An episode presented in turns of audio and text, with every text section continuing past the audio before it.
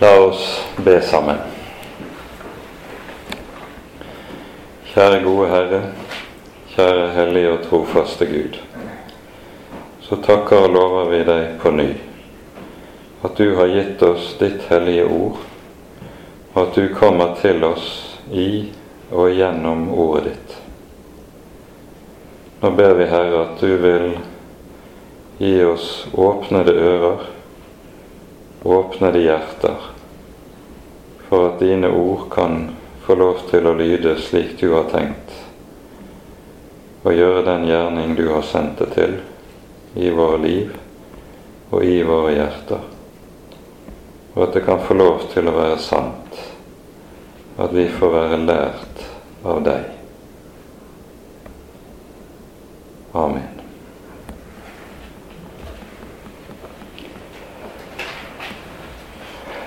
Da Moses sto foran tornebusken, så ble det sagt til ham eh, når, i forbindelse med kallet at dette skal du ha til tegn at eh, dere skal feire gudstjeneste på dette fjell. Og nå når vi er kommet til det 19. kapittel i 2. Mosebok, så er de kommet til dette fjell. Og så er det at Herren samler folket for sitt ansikt for å få det i tale. Dette avsnittet er altså et av de aller mest sentrale avsnittene i Den hellige skrift. Og eh, selv om vi i dag har satt kapittel 19 og 20 opp som det vi skal se nærmere på, så strekker avsnittet seg fra kapittel 19 til 24, i det vi i kapittel 24 hører om selve paktsslutningen. Og det som er målet med at Herren nå fører folket til Sinai berg, det er at han skal inngå pakt med Israels folk. Og vi rekker da ikke til å, å, se nærmere eller gå så langt i dag. Vi må nøye oss med disse kapitlene. Men det er altså det som er eh, hele sammenhengen som det står i. Samtidig er det også overmåte viktig å være klar over en annen viktig sammenheng som vi står overfor i eh, annen Mosebok her. Eh, vi sang en salme innledningsvis som tematiserer det som har med lov og evangelium å gjøre. I det som skjer ved Sinai berg, så åpenbarer Gud også lov og evangelium. Loven åpenbares ved at Herren gir budene. I kapittel 20 hører vi de ti bud. Og så i de påfølgende kapitler kommer eh, nærmere bud og forskrifter som skal gjelde for det jødiske samfunn når folket er kommet inn i det lovede land. Sånn at du kan si at fra kapittel 20 til 23 så handler det om ulike bud og befalinger som Gud gir folket. Det er loven. Men når vi kommer til kapittel 25 frem til og med kapittel 31, eh, så hører vi at forskriftene for tabernaklet gis. Nemlig de forskrifter som handler om det sted der det skjer soning for synd. Og forskriftene for tabernaklet er i ordets mest egentlige forstand evangelium. For i og med at Gud gir en ordning for soning for synd, så er det tale om soning for den synd som gis, som gjøres imot den lov som Herren skjenker og gir i de foregående kapitlene, og som vi nå begynner på gjennomgangen av. Og Det er altså dette som er en helt avgjørende indre sammenheng i eh, annen Mosebok Lov og evangelium er ikke noe som er nytt, og som, eh, som kommer i og med Paulus' undervisning i Romerbrevet eller Galaterbrevet. Det er noe som er gitt allerede i og med eh, Guds selvåpenbaring i Det gamle testamentet. Og her finner vi det altså på mest, den aller mest typiske måte i annen Mosebok, i det vi har budene i kapittel 20 til 23, og soningen i, fra kapittel 25 og utover, som eh, der innretningen for denne beskrives. Vi kommer til å komme nærmere inn på det i påfølgende bibeltimer, men eh, dette på en måte overblikket, eller den indre sammenhengen som er her i Skriften, er også avgjørende å være oppmerksom på. Vi tar oss nå tid og leser de seks første versene i kapittel 19. På tremånedersdagen etter at Israels barn var dratt ut av landet Egypt, kom de til Sina i ørken. De brøt opp fra Refidim og kom til Sina i ørken og slo leir i ørkenen Israel leiret seg der, midt imot fjellet. Så steg Moses opp til Gud, og Herren ropte til ham fra fjellet og sa:" Så skal du si til Jakobs hus og kunngjøre for Israels barn. Dere har selv sett hva jeg har gjort med egypterne, og hvordan jeg bar dere på ørnevinger og brakte dere til meg. Dersom dere nå virkelig vil høre min røst og holde min pakt, da skal dere være min eiendom fremfor alle folk, for hele jorden er min. Dere skal være et kongerike av prester for meg og et hellig folk. Dette er de ord du skal tale til Israels barn.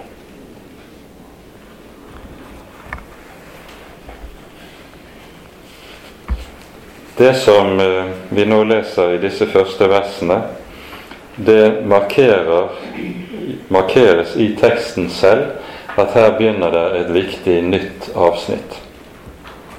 Det er slik under Det ser vi ellers i annen Mosebok at eh, vanligvis så begynner hvert tekst, nytt tekstavsnitt med en hebraisk eh, preposisjon eller eh, partikkel som heter Åg, eh, og som binder like som eh, det avsnittet som innledes, sammen med det foregående avsnitt, som noe som liksom det ene følger av det andre. Men her står ikke denne partikkelen. Den, det markerer at her begynner det noe som er nytt, og som likesom representerer eh, Kall det kanskje et brudd i forhold til det som er det foregående i fortellingen. Vi kan også merke oss et par andre detaljer i dette som er ganske viktige eh, i sammenhengen. For det første så sies det i vers 2 Israel leiret seg der midt imot fjellet. Det står fjellet i bestemt form, uten at det har vært noen forklaring til dette tidligere.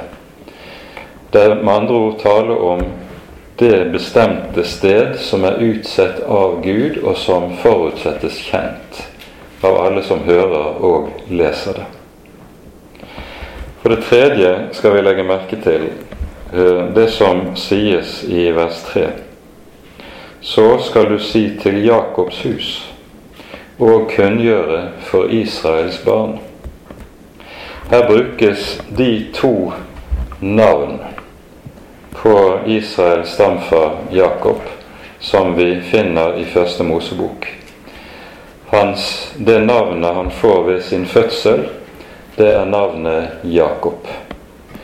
Og Jakob betyr bedrageren. Eh, Bokstavelig betyr det den som holder i hælen. Det var jo et navn han ble gitt i forbindelse med fødselen. eh, og som da får betydningen 'den som får andre mennesker til å snuble', 'den som bedrar mennesker'. Det er betydningen av Jakob. Men når Jakob så å si eh, kommer gjennom Guds stell og arbeid med ham inn i det nye og rette forhold til Herren som han er tiltenkt, da får han et nytt navn. Det er navnet Israel, som betyr Guds kjempe, som betyr den som har kjempet med Gud og seiret. Dette hører vi om i Første Mosebok 32. Og det er like som det så å si legges frem her for folket når, når folket skal møte sin Gud. Vil du være Jakob, eller vil du være Israel? Og loven er det som så å si skal avsløre akkurat det. Så kommer altså det som disse ordene som vi hører i vers 4 til 6, og som danner selve overskriften til det som nå følger, og som samtidig gir det som så å si skal være Israels identitet som Guds folk. Sånn at disse versene, vers 4 til 6, de er overmåte sentrale i Den hellige skrift. De gir det som er Israels identitet som Guds folk. Og det er ikke tilfeldig at disse ordene i Det nye testamentet gjentas i flere sammenhenger som ord som beskriver det som også er den nye, den nye pakts Guds folks identitet. Det kommer vi til å komme tilbake til etter hvert, men det må nevnes allerede her. Det innledes med følgende Dere har sett hva jeg har gjort med egypterne, og hvordan jeg har båret dere på ørnevinger og brakt dere til meg. Det Herren minner Israel om i kort form her, det er hva som er skjedd i forbindelse med utgangen av Egypt og ørkenvandringen og det sies 'dere har sett'. Og Når ordet 'se' anvendes på denne måten i Skriften, så brukes det ikke bare om eh, synssansen, men det bruker om Det betegner erfaring. Dere har erfart. Eh, og tankegangen er det at det folk som nå står ved Sinai berg, står for Herrens ansikt, det er et folk som har erfart, med egne øyne sett og opplevd hva Gud har gjort, og med det hvem Han er. Og Så innledes derfor også de ti bud med det vi hører i vers 2 i kapittel 20. Jeg er Herren din Gud, som førte deg opp av Egyptens land, av trellehuset. Og så kommer budene. Dere har sett hva jeg har gjort. Og så har Herren altså båret dem på ørnevinger og brakt dem til seg. Og så kommer i det neste verset et 'dersom'. Og dette 'dersom' det er det samme 'dersom' som vi hørte i 15, kapittel 15, vers 26, og som sto der, som vi var inne på det, som en overskrift over hele ørkenvandringen. Herren, når Herren fører folket omveien Når Han fører dem omveien, så er det med tanke på at de skal gå i hans skole og lære ham å kjenne som den han er på denne veien. Og det mest avgjørende punkt på omveien, det er nettopp her, ved Sinai. Og Herren sier, 'Jeg brakte dere hit til meg'. Det står altså ikke 'jeg brakte dere hit til Sinai', men han sier 'jeg brakte dere hit til meg'. Poenget er, og tanken er, at her stilles de til møtes med sin Gud. Og som åpenbarer Herren seg for dem her ved Sinai. Og så sies det 'dersom dere nå virkelig vil høre'. I den gamle oversettelsen sto det 'dersom dere lyder min røst'. Men nå står det mer nøyaktig 'dersom dere virkelig hører'. Og det som konstituerer gudsforholdet, slik Bibelen tenker, det er et menneskes hørsel. Det er menneskets forhold til Guds ord. Og Derfor understrekes det som det grunnleggende. Dersom dere hører, da. Og så lyder det dessverre, ser vi senere, om igjen og om igjen gjennom, videre utover gjennom Det gamle testamentet. Herren sukker over folket om å si dette er det folk som ikke ville høre min røst. Og når folket lukker ørene, så er det ensbetydende med frafall og med forfall. Dersom dere nå virkelig vil høre, og vil ta vare på min pakt Det står her 'holde min pakt'.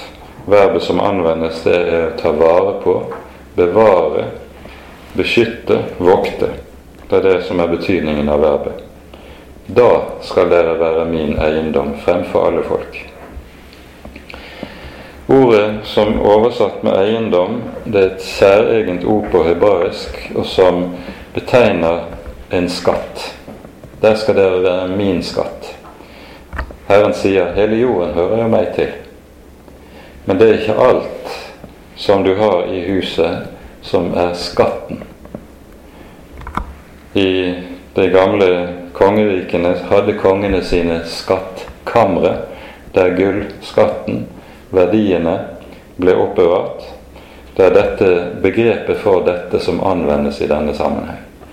Og utenfor skattkammeret der sto det vakter som passet på. Og på samme måte er det Israel er utpekt til å være Herrens skatt. Hele jorden hører ham til, men disse er altså utvalgt til å være hans skatt. Og Med dette så pekes det på Israels utvelgelse.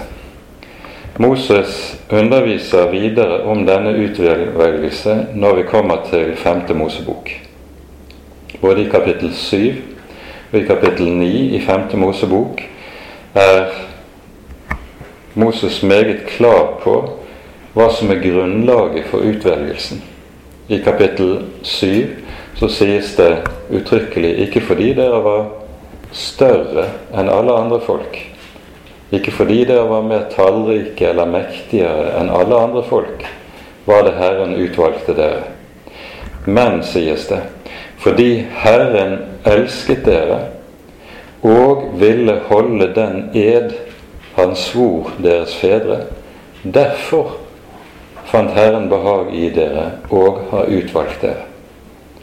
Og I kapittel 9 sies det uttrykkelig at når Herren gir dem det land som Han fører dem inn i, så er det ikke fordi dere var mer rettferdige enn alle andre folk, fordi dere var mer hellige enn andre folk. Nei, for du er et gjenstridig folk, sies det. Men på ny sies det fordi Herren elsket dere og ville holde den ed han svor deres fedre. Poenget er altså at utvelgelsen har ikke sin grunn i noen kvalitet ved Israels eget folk, men utvelgelsen er begrunnet i Guds eget hjerte. Fordi han elsket dere og ville holde den ed han svor deres fedre. Det er dette som ligger til grunn for selve utvelgelsen. Og så skjønner vi med det at dette svarer meget nøyaktig til den nådens utvelgelse som også Det nye testamentet taler om når det taler om den nye pakts gudsfolk. Dypest sett har den den samme grunn. Så kommer det i vers 6. Dere skal være meg et kongerike av prester. Eh, den vanlige forståelsen av dette uttrykket er at dette er et rike eller et kongedømme der innbyggerne i dette riket er prester. Og Da brukes ordet, eh, det gammeltestamentlige begrepet, for prest. Som altså er noe ganske annet enn det som vi mener når vi anvender ordet prest i vår dagligtale. Det mest sentrale med begrepet prest i Det gamle testamentet, det kan samles i to hovedsaker. For det første er presten den som har rett til å tre Herren nær. Den som har rett til å tre inn for Herren. Dette anskueliggjøres når tabernaklet reises på den måten at det kun er de som er de vigslede prester, som har rett til å tre inn i det hellige i tempelet. Ingen annen. Og det sies uttrykkelig i 4. Mosebok kapittel 18 dersom en fremmed, altså en som ikke er vigslet, dersom en fremmed kommer nær til, da må han dø. Dette henger sammen med at den Gud som troner i det hellige, den Gud som åpenbarer seg på Sinai, han er hellig. Og det at Gud er hellig, det gjør at Gud også er en som er farlig å ha med å gjøre dersom en ikke har med ham å gjøre på hans egne vilkår. Dette er helt sentralt. Det er det første som ligger i begrepet prest. Det er den som har rett til å tre Herren nær. Det annet som ligger i dette, det ligger i stammen til det hebraiske ordet for prest. Det betyr en som står frem for å føre en annens sak. Prestens rolle i Det gamle testamentet var å være mellommann mellom folket og Herren, på den måten at det er presten som gjør soning for folkets synder, og på denne måten kan ved sin tjeneste eh, se til at folket står i nåde hos Herren. Folk, presten er altså mellommann. Når det sies om Israels folk at de altså skal være et kongerike av prester, så sies det om dem de har det privilegium at de har rett til å tre Herren nær. For det andre har de det kall som ligger at de skal være mellommann mellom Gud og mennesker. Hvilket er det kall som Israel får. Det er dette folk som skal formidle Guds frelsesåpenbaring til hele skapningen, for at det løftet Gud ga Abraham, skal gå i oppfyllelse. I deg skal alle jordens lekter velsignes. Så ved den åpenbaring som Gud gir dette folk, blir folket det, det som får som kall og oppgave å formidle åpenbaringens lys til hedningene.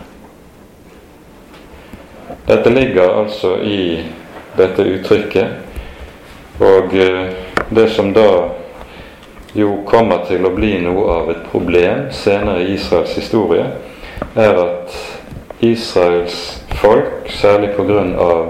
fariseismens innflytelse i jødedommen, kommer til å forstå dette nasjonalistisk og partikularistisk i stedet for å se på seg selv med dette som grunnleggende kall. Det skal vi ikke komme mer inn på i denne sammenheng, det hører en annen sammenheng til. Og Så sies det altså at folket skal være et hellig folk. Ordet 'hellig' det betyr Det har to grunnbetydninger i hebraisk.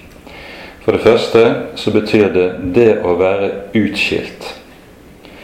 Eh, den betydningen eh, møter vi en rekke steder, ikke minst i Mosebøkene. I 3. Mosebok kapittel 20 sier Herren uttrykkelig 'Jeg har skilt dere ut fra alle andre folk' for at dere skal være hellige for meg. Altså, det som er hellig, det er noe som er skilt ut fra vanlig bruk for å være innviet til Herren. Det er den ene betydningen av ordet hellig. Det andre som ligger i begrepet, det er at det som er hellig, det er noe som er strålende, som har en strålende og blendende lysglans. Og det er i tilknytning til dette begrepet Jesus kan si om sine disipler dere er verdens lys. Hvis de hører til det hellige folket, så er det dette som skal være noe av det som altså kjennetegner det. Så vi forstår med disse versene så legges det en grunnvoll for det som er Guds utvalgte folks selvforståelse. Hvem de er, hva deres kall er, hvordan de skal se på seg selv og ansikt til ansikt med sin Herre og sin Gud her i verden. Dette er det også når profetene senere trer frem i Israels frafallstider, på ny og på ny, like som kaller folket tilbake til. Folket kall, kalles tilbake til å være det de var kalt til å bli. Det de var utvalgt for å være.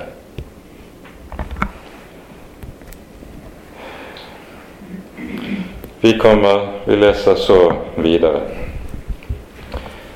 Moses går så ned fra fjellet, og det sies da Moses kom tilbake, kalte han til seg folkets eldste og bar frem for dem alle disse ord som Herren hadde pålagt ham.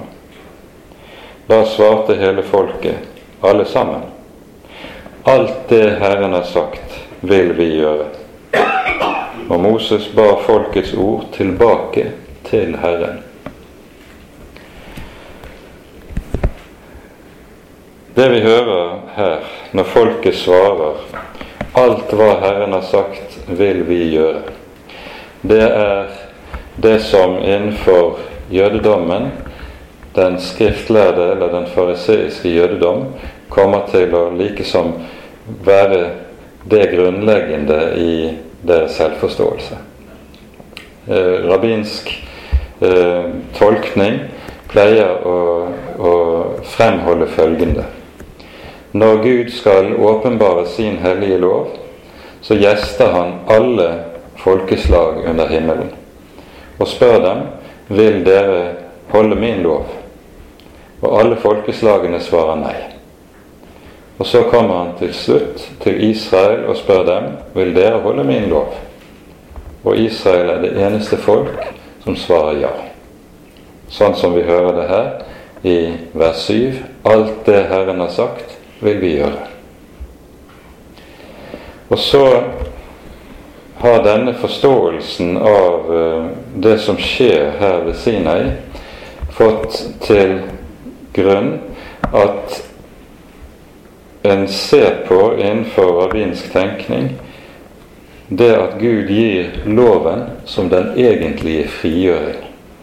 Frigjøringen fra trelldommen under farao, det var en ytre frigjøringshandling som ligger til grunn for det som er den egentlige frigjøring, nemlig at folket får Guds lov. Og dermed får som livs oppgave å etterleve og å oppfylle Guds hellige lov. Og det er den egentlige frigjøring.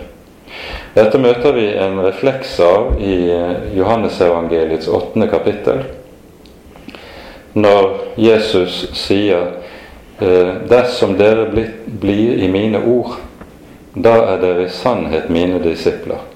Og dere skal kjenne sannheten, og sannheten skal gjøre dere frie. Og så svarer de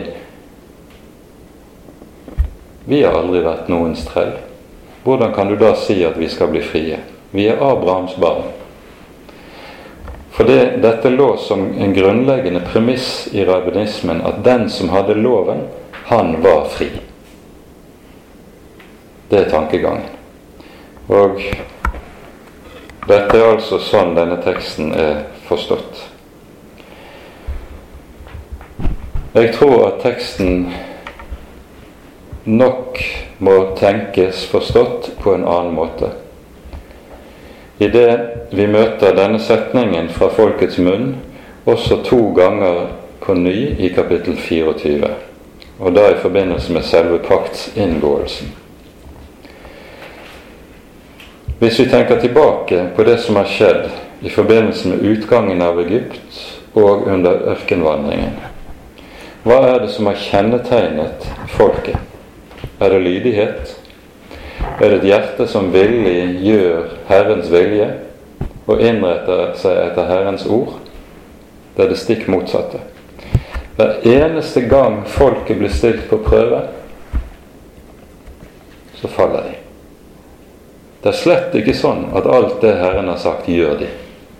Det er tvert om motsatt. Og 40 dager etter at dette skjer, etter at loven har vært gitt, eller de ti bud har vært gitt, hva skjer da? Da går dansen rundt gullkalven. Og så er det grunn til å stille spørsmålet Dette høres flott ut. Det høres framt ut. Alt det Herren har sagt, vil vi gjøre og lyde. Men hvilket hold er det i disse ordene? Det hele ørkenvandringen viser og avslører, er at dette er ord som er store ord, men som Israel ikke har dekning for. Tankegangen med det som skjer, og dette tror jeg er den indre tankegang i Den hellige skrift. Et menneske som sier noe sånt, som Israels folk gjør, han avslører dypest sett én ting. Han kjenner ikke seg selv. Vi har en parallell til dette i Det nye testamentet.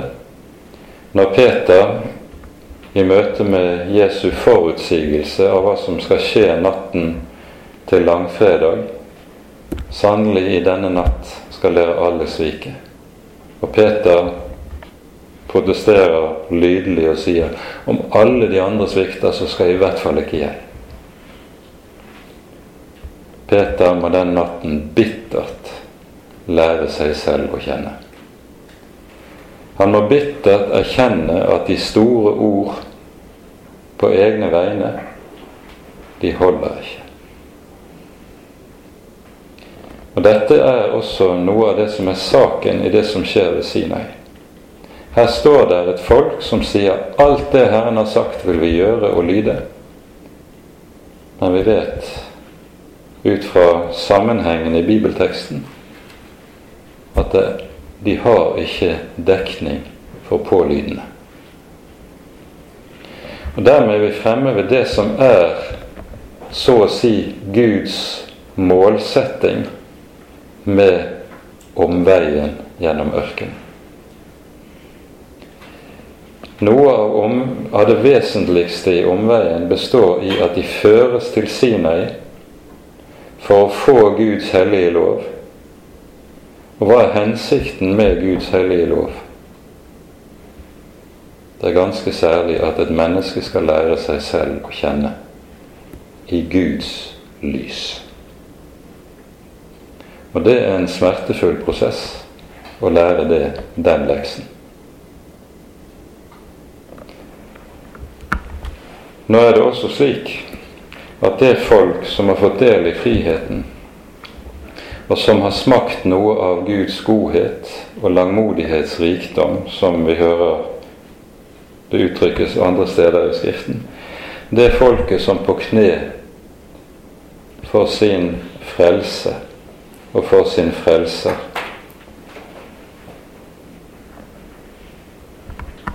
Vet hva de har å takke for. Det folket bøyer seg også i stillhet og ønsker å gjøre Herrens vilje. Det hører også med i dette bildet.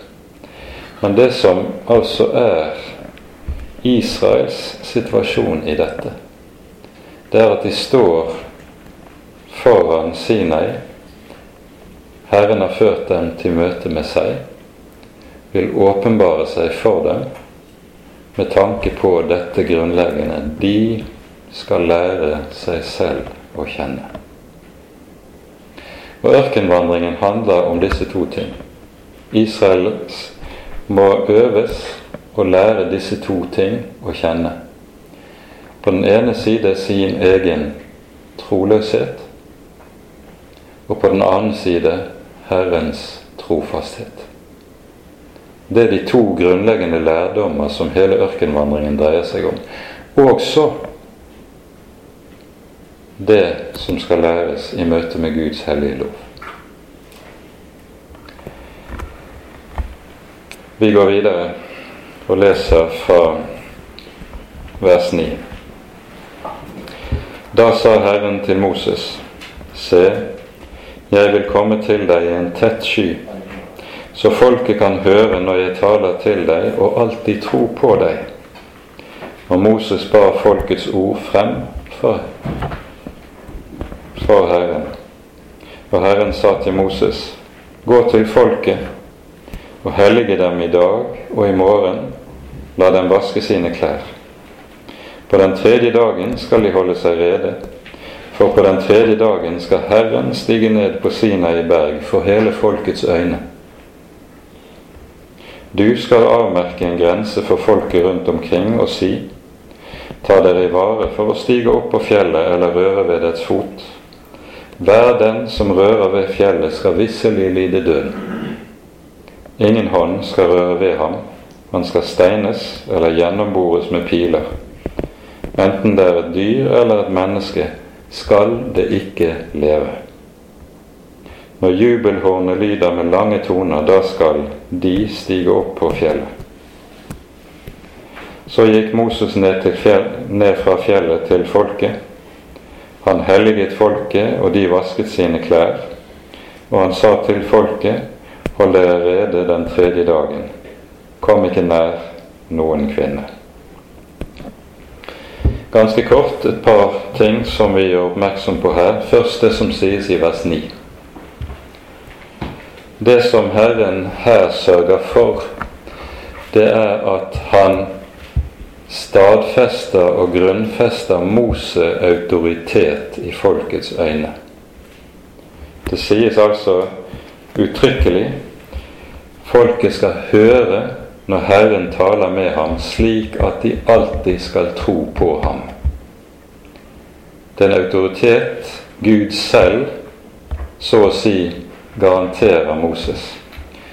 Når vi kommer til Josva-boken, hører vi noe tilsvarende Eh, at Herren gjør noe tilsvarende for Josva etter Mose død. Der sies det at Herrens lover Josva og sier 'Jeg vil gjøre deg stor i folkets øyne', så de alltid følger deg. Det er altså sånn at Moses behøver ikke selv å pukke på sin egen autoritet og sin egen status, ei heller Josva. Herren sørger for å stadfeste denne autoriteten ved at han åpenbarer seg som han gjør. For det andre så ser vi at folket skal hellige seg før Herren åpenbarer seg. Og det skal skje i løpet av tre dager. Eh, det markeres symbolsk ytre sett ved at folket skal vaske sine klær. Og Det var antagelig ingen rent liten prosess. De er fortsatt i ørkenen. Og selv om akkurat dette området som Israel nå ligger leiret, det er et høyfjellsplatå foran Sinai-berget, så og det er ganske mange kilder i de omkringliggende dalene, så vil det likevel være sånn at når så stor folkeskare skal vaske klærne, så er det ikke et så rent lite arbeid. Og antagelig ganske eh, tungvint sak. Men med dette markeres det noe som er grunnleggende. Og dette er jo noe som senere i eh, Som man har sett både i jødisk og kristen tradisjon kommer til uttrykk på den måten at man i kristen tradisjon har hatt søndagsklær. Når man nemlig skal i Herrens hus og møte Herren, da skal man gå i rene klær, man skal gå i fine, de fineste klærne man har. Det samme ser du i jødisk tradisjon når det gjelder feiringen av sabbaten. Etter 68 er dette noe som er blitt vekke innenfor kristenheten. Men eh, det hadde kanskje vært en tanke å vurdere noe av den symbolikken. Det går vi ikke inn i. Så sies det også altså at det skal markeres en grense rundt fjellet. Moses, når han står foran tårnebusken, eller når han går bort for å se dette underlige syn, som det sies, da roper Herren til ham og sier, Moses, Moses, kom ikke nærmere. Nå sies det samme til hele folket ved denne anledning. For innenfor denne veldige og hellige Gud som nå skal åpenbare seg, så må det være en distanse. Så leser vi videre. Og nå er det at Herren den tredje dagen åpenbarer seg. Og dette skjer på en måte som skaper en veldig age, en veldig redsel, en veldig frykt i folket. Vi leser fra vers 16. Så skjedde det på den tredje dagen, da morgenen brøt frem. Da tok det til å tårne og lyne. En tung sky la seg over fjellet, og det hørtes en meget kraftig lyd fra horn. Da skalv alt folket i leir. Men Moses førte folket ut av leiren til møte med Gud, og de stilte seg nedenfor fjellet. Hele Sinai berg sto i røk fordi Herren var steget ned på det i ild. Røken steg opp som av en smelteovn, og hele fjellet skalv. Hornets tone økte i styrke og ble stadig sterkere. Moses talte, og Gud svarte ham med høy røst. Og Herren steg ned på Sinai berg, på toppen av fjellet. Så kalte Herren Moses opp på toppen av fjellet og Moses steg opp. Og Herren sa til Moses, stig ned og advar folket så de ikke trenger seg frem til Herren for å se ham. For da kommer mange av dem til å falle. Også prestene, de som trer Herren nær, skal hellige seg, så, de, så ikke Herren skal bryte inn iblant dem. Da sa Moses til Herren, Folket kan ikke stige opp på Sinai berg. Du har selv advart oss og sagt at vi skulle avmerke en grense om fjellet og hellige det. Men Herren sa til ham, Gå ned, og kom så opp igjen, du og Aron. Men prestene og folket må ikke trenge seg frem og stige opp til Herren, for at han ikke skal bryte inn iblant dem. Da steg Moses ned til folket og sa det til dem. Syv ganger må denne 80 år gamle mannen gå opp og ned på Sinai berg. Det er ikke noen liten oppgave. Dette høyfjellsplatået som ligger der foran Sinai, det ligger på en høyde på en ca. mellom 1200 og 1400 meter over havet. Mens fjellet er da omtrent dobbelt så høyt hvis du skal helt opp på toppen. Antagelig var det ikke helt til topps Moses gikk, men dog. 80 år gammel får han dette som en del av sin oppgave.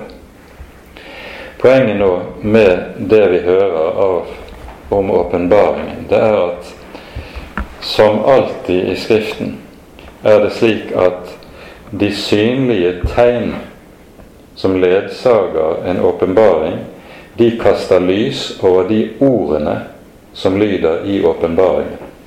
Og motsatt. Ordene som lyder i åpenbaringen, kaster lys over de synlige tegn. Poenget med åpenbaringen av loven er at her åpenbarer Gud sin hellighet og sin majestet.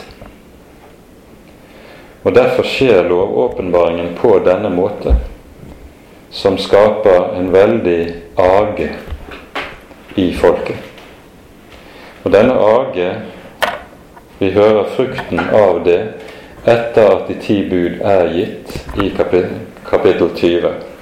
Vi leser fra vers 18 i det 20. kapittel. Hele folket så røstene og ildtungene og tonen fra horn og fjellet i røk. Og da folket så og hørte dette, skalv de og holdt seg langt borte. Og de sa til Moses, Tal du til oss, så vil vi høre. Men la ikke Gud tale til oss for at vi ikke skal dø. Hva er det som skjer her? Lovåpenbaringen har som konsekvens i folket at folket ser at de trenger en mellommann når de skal ha med Gud å gjøre. Fordi Gud er den hellige Gud, fordi Han er denne veldige majestet som her trer frem for folket, så skjønner, begynner folket å skjønne skal vi ha med denne Gud å gjøre, så må vi ha en mellommann. Og det er nettopp en tilsiktet hensikt ved lovåpenbaringen. Folket må skjønne at med den hellige Gud kan en ikke ha å gjøre direkte. En må ha en mellommann.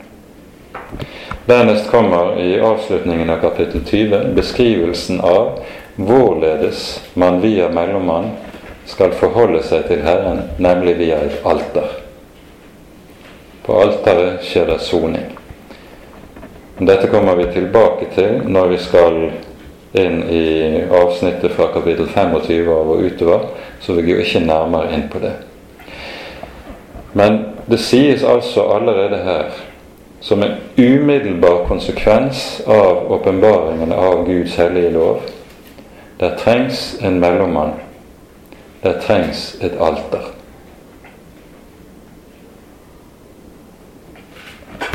Loven er en tuktemester til Kristus.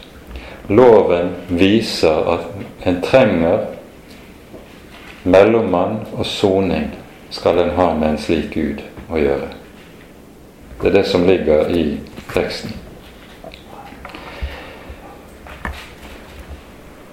Det som vi leser om her i kapittel 19, når vi hører disse veldige tegnene som ledsager åpenbaringen av loven, det møter vi igjen i Mose utleggelse og påminnelse om hva som foregår her i 5. Mosebok kapittel 4. Og vi skal se litt på det som står i dette kapittelet.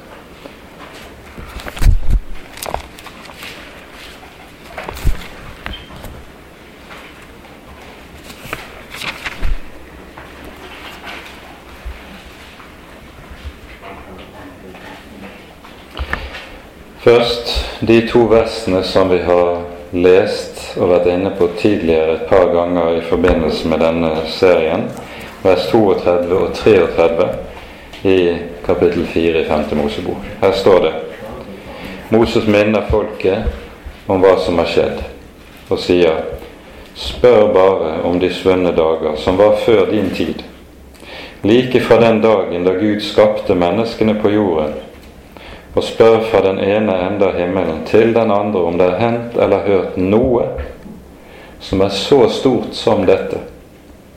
Har noe folk hørt Guds røst tale midt ut av ilden, slik du har gjort det, og enda blitt i live? Dette er noe absolutt enestående, noe som det ikke gis noen parallell til i noe folks historie under himmelen ellers. Herren åpenbarer seg, som vi hører det her. Dernest, hvis vi går litt fremover i kapittelet, så hører vi det sies når vi leser fra vers 9. Hele, nesten hele kapittel 4 dreier seg om noe av dette som vi hører ved, skjer Sinai. Her sier Moses følgende.: Vokt deg bare og ta deg vel i akt, så du ikke glemmer det dine øyne har sett. La det ikke gå deg av minne alle ditt livs dager, men gjør det kjent for dine barn og for dine barnebarn.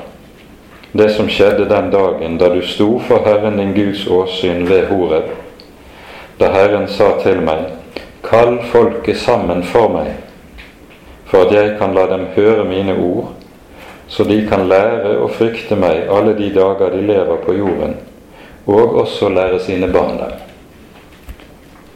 Da kom dere nær til og sto nedenfor fjellet, mens fjellet sto i lys lue like til himmelen, og der var mørke og skyer og skodde. Og Herren talte til dere midt ut av ilden. Dere hørte lyden av ordene, men noen skikkelse så dere ikke. Dere hørte bare en røst. Og han kom og forkynte dere sin pakt som han bød dere å holde, de ti ord. Han skrev dem på to steintavler. På samme tid bød Herren meg å lære dere lover og bud, som dere skal leve etter i det land dere drar over til og skal ta i eie.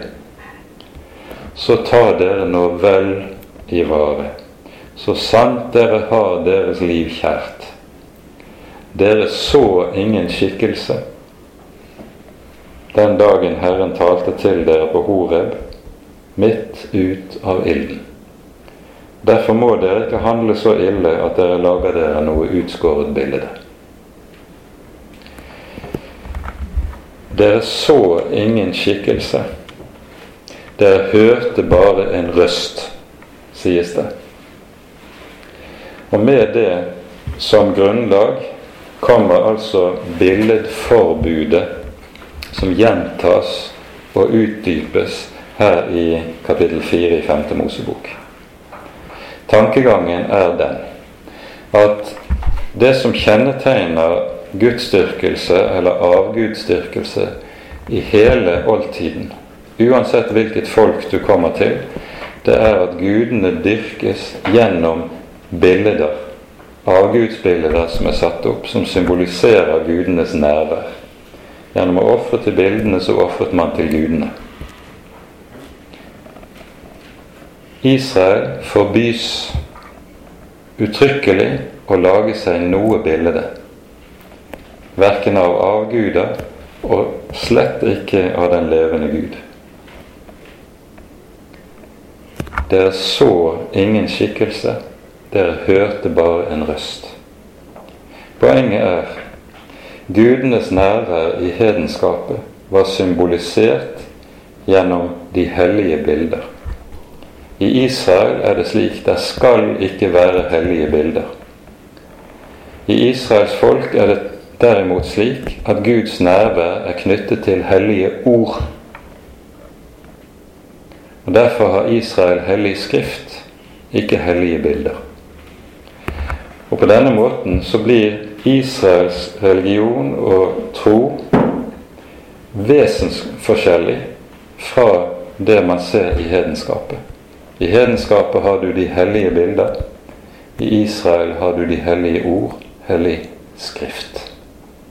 Der hørte bare en røst. Og Herren har lovet, og han har knyttet selve sitt nærvær i folket til disse ord. I og med disse ord bor han i sitt folk, er han nærværende imellom dem, kommuniserer han med dem. Guds nærvær er knyttet til ord, de hellige ord. Og så understrekes dette på den måten som vi hører det her i tydeliggjort i kapittel 4. Det sies i vers 13 Han forkynte dere sin pakt. Det som skjer på Sinai, er ikke at Herren taler til Moses, og så skal Moses tale til folket. Nei, folket hører Guds egen røst direkte. Og dernest så skriver Herren selv disse ord ned på to steintavler. Moses får steintavlene, det sies uttrykkelig i kapittel 31 og 32 og 34 at tavlene er Guds arbeid skrevet med Guds finger. Og på disse steintavlene er de ti bud innskrevet. Uttrykket 'de ti bud' anvendes ikke i Bibelen, i stedet kalles det for 'de ti ord'. Det er den bibelske betegnelsen på det. Israel får hellige ord, hellig skrift. Og dette er det som er det grunnleggende. Og derfor er Guds folk bokens folk. Og skal være det. Den sans Gud har valgt når han vil kommunisere med mennesket, er med andre ord ikke synssansen som forholder seg til bilder, men det er hørselssansen som forholder seg til ord. Derfor er det altså på det vis at det å høre, det er og blir det avgjørende og det grunnleggende i et menneskes gudsforhold. Derfor er det dette, det å høre, ha øre til å høre, det er det som er selve det grunnleggende kjennetegn på Guds eget folk. Guds folk er det folk som hører hyrdens røst, og derfor følger ham. Vi skjønner hvor fundamentalt dette er i den bibelske åpenbaring. Og alt dette er det altså som legges frem for oss her ved Sinai. Og når Israels folk så får seg overgitt lovens to tavler med de ti ord, så er disse ti ord innskrevet med Guds finger. Det er ikke Moses som har hogget ut disse tavlene. Det er Guds finger som har skrevet inn på tavlene. Og med dette så finner vi begynnelsen til det som er Hellig Skrift. Som fra denne dag av er en guddommelig ordning i Guds folk. Det at vi har Hellig Skrift, det er Guds egen ordning for sitt folk, som skal gjelde fra slekt til slekt der hver ny generasjon skal lese, kjenne den hellige Skrift i bevisstheten om at gjennom disse hellige ord har vi med den levende Gud å gjøre. Begynnelsen til Den hellige Skrift det er altså ord skrevet med Guds egen finger ved Sinai. Før dette hører vi ikke om Hellig Skrift.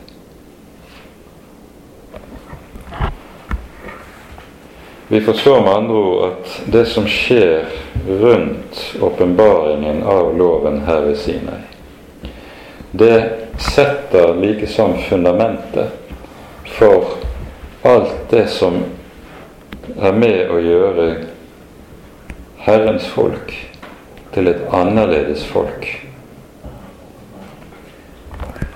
Og så har vi med den levende Gud, med den hellige Gud, å gjøre. Nå rekker vi ikke å gå gjennom de ti bud i kveld. Men vi tar oss tid til å lese de par første av budene før vi slutter av. Da talte Gud alle disse ord og sa:" Jeg er Herren, din Gud, som førte deg ut av landet Egypt, av trellehuset. Du skal ikke ha andre guder enn meg. Du skal ikke gjøre deg noe utskåret bilde eller noen avbildning av det som er oppe i himmelen, eller av det som er nede på jorden, eller av det som er vannet, i vannet nedenfor jorden. Du skal ikke tilbe dem, ikke tjene dem, for jeg, Herren din Gud, er en nidkjær Gud som hjemsøker fedres misgjerning på barn inntil tredje og fjerde ledd, på dem som hater meg, og som gjør miskunn gjennom tusen ledd mot dem som elsker meg og holder mine bud. Du skal ikke misbruke Herren din Guds navn, for Herren vil ikke holde den uskyldig som misbruker Hans navn. Kom hviledagen i hu, så du holder den hellig. Seks dager skal du arbeide og gjøre all din gjerning, men den syvende dagen er sabbat for Herren din Gud. Da skal du ikke gjøre noe arbeid, verken du selv eller din sønn eller din datter, verken din trell eller din trellkvinne eller ditt fe eller den fremmede som er hos deg innenfor dine porter.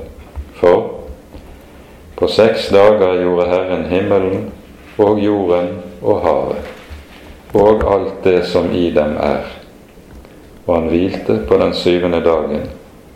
Derfor velsignet Herren sabbatsdagen og helliget den.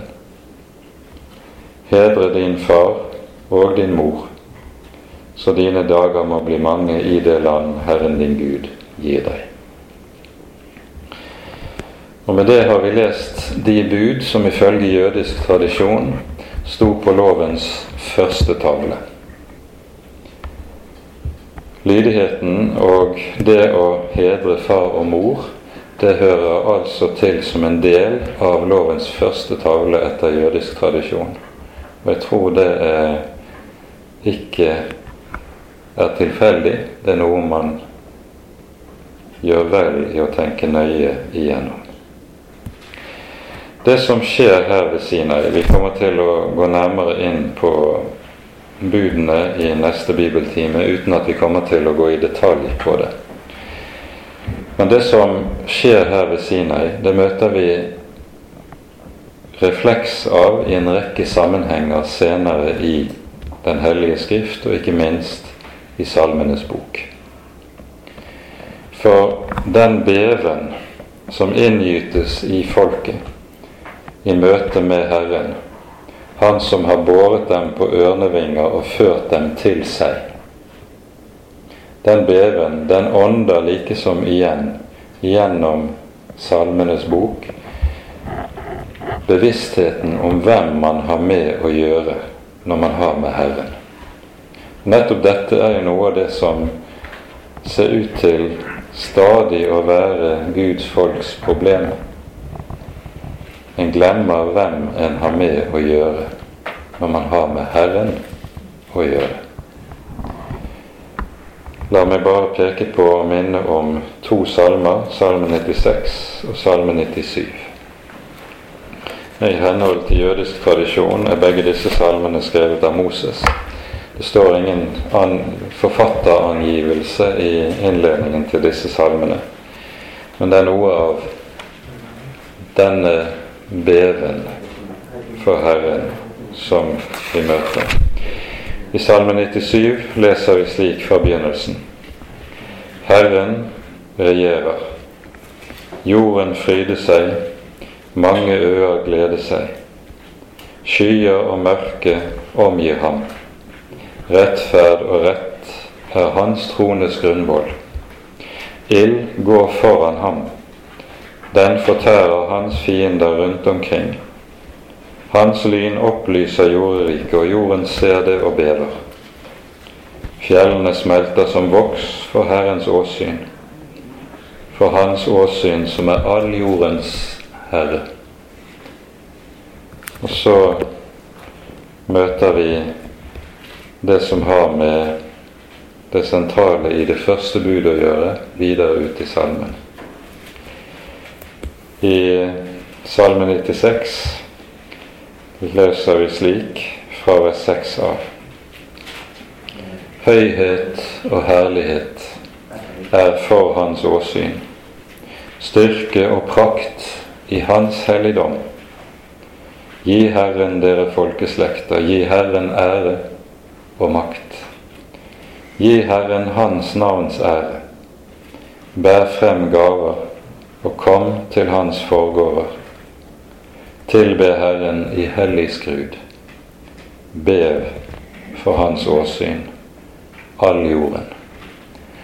Det uttrykket som er oversatt med 'hellig skrud' i denne sammenheng, det er et uttrykk i hebraisk som vanligvis ble anvendt om prestenes embetsdrakt, den hvite klesdrakten som prestene var iført når de gjorde tjeneste i helligdommen. Tilbe Herren i hellig skrud. Bev for Hans åsyn all jorden. Det er det som Jesus kaller for gudstjeneste i ånd og sannhet i Det nye testamentet. Og Med det setter vi punktum for dagens bibeltime. Det er meget annet som vi kunne tatt oss tid til å dukke ned i, for disse avsnittene i Den hellige skrift de er breddfulle av innhold som eh, bare venter på å så å si bli gravd at vi kan grave oss ned i. Ære være Faderen og Sønnen og Den hellige ånd, som var og er og være skal en sann Gud, høylovet i evighet. Amen.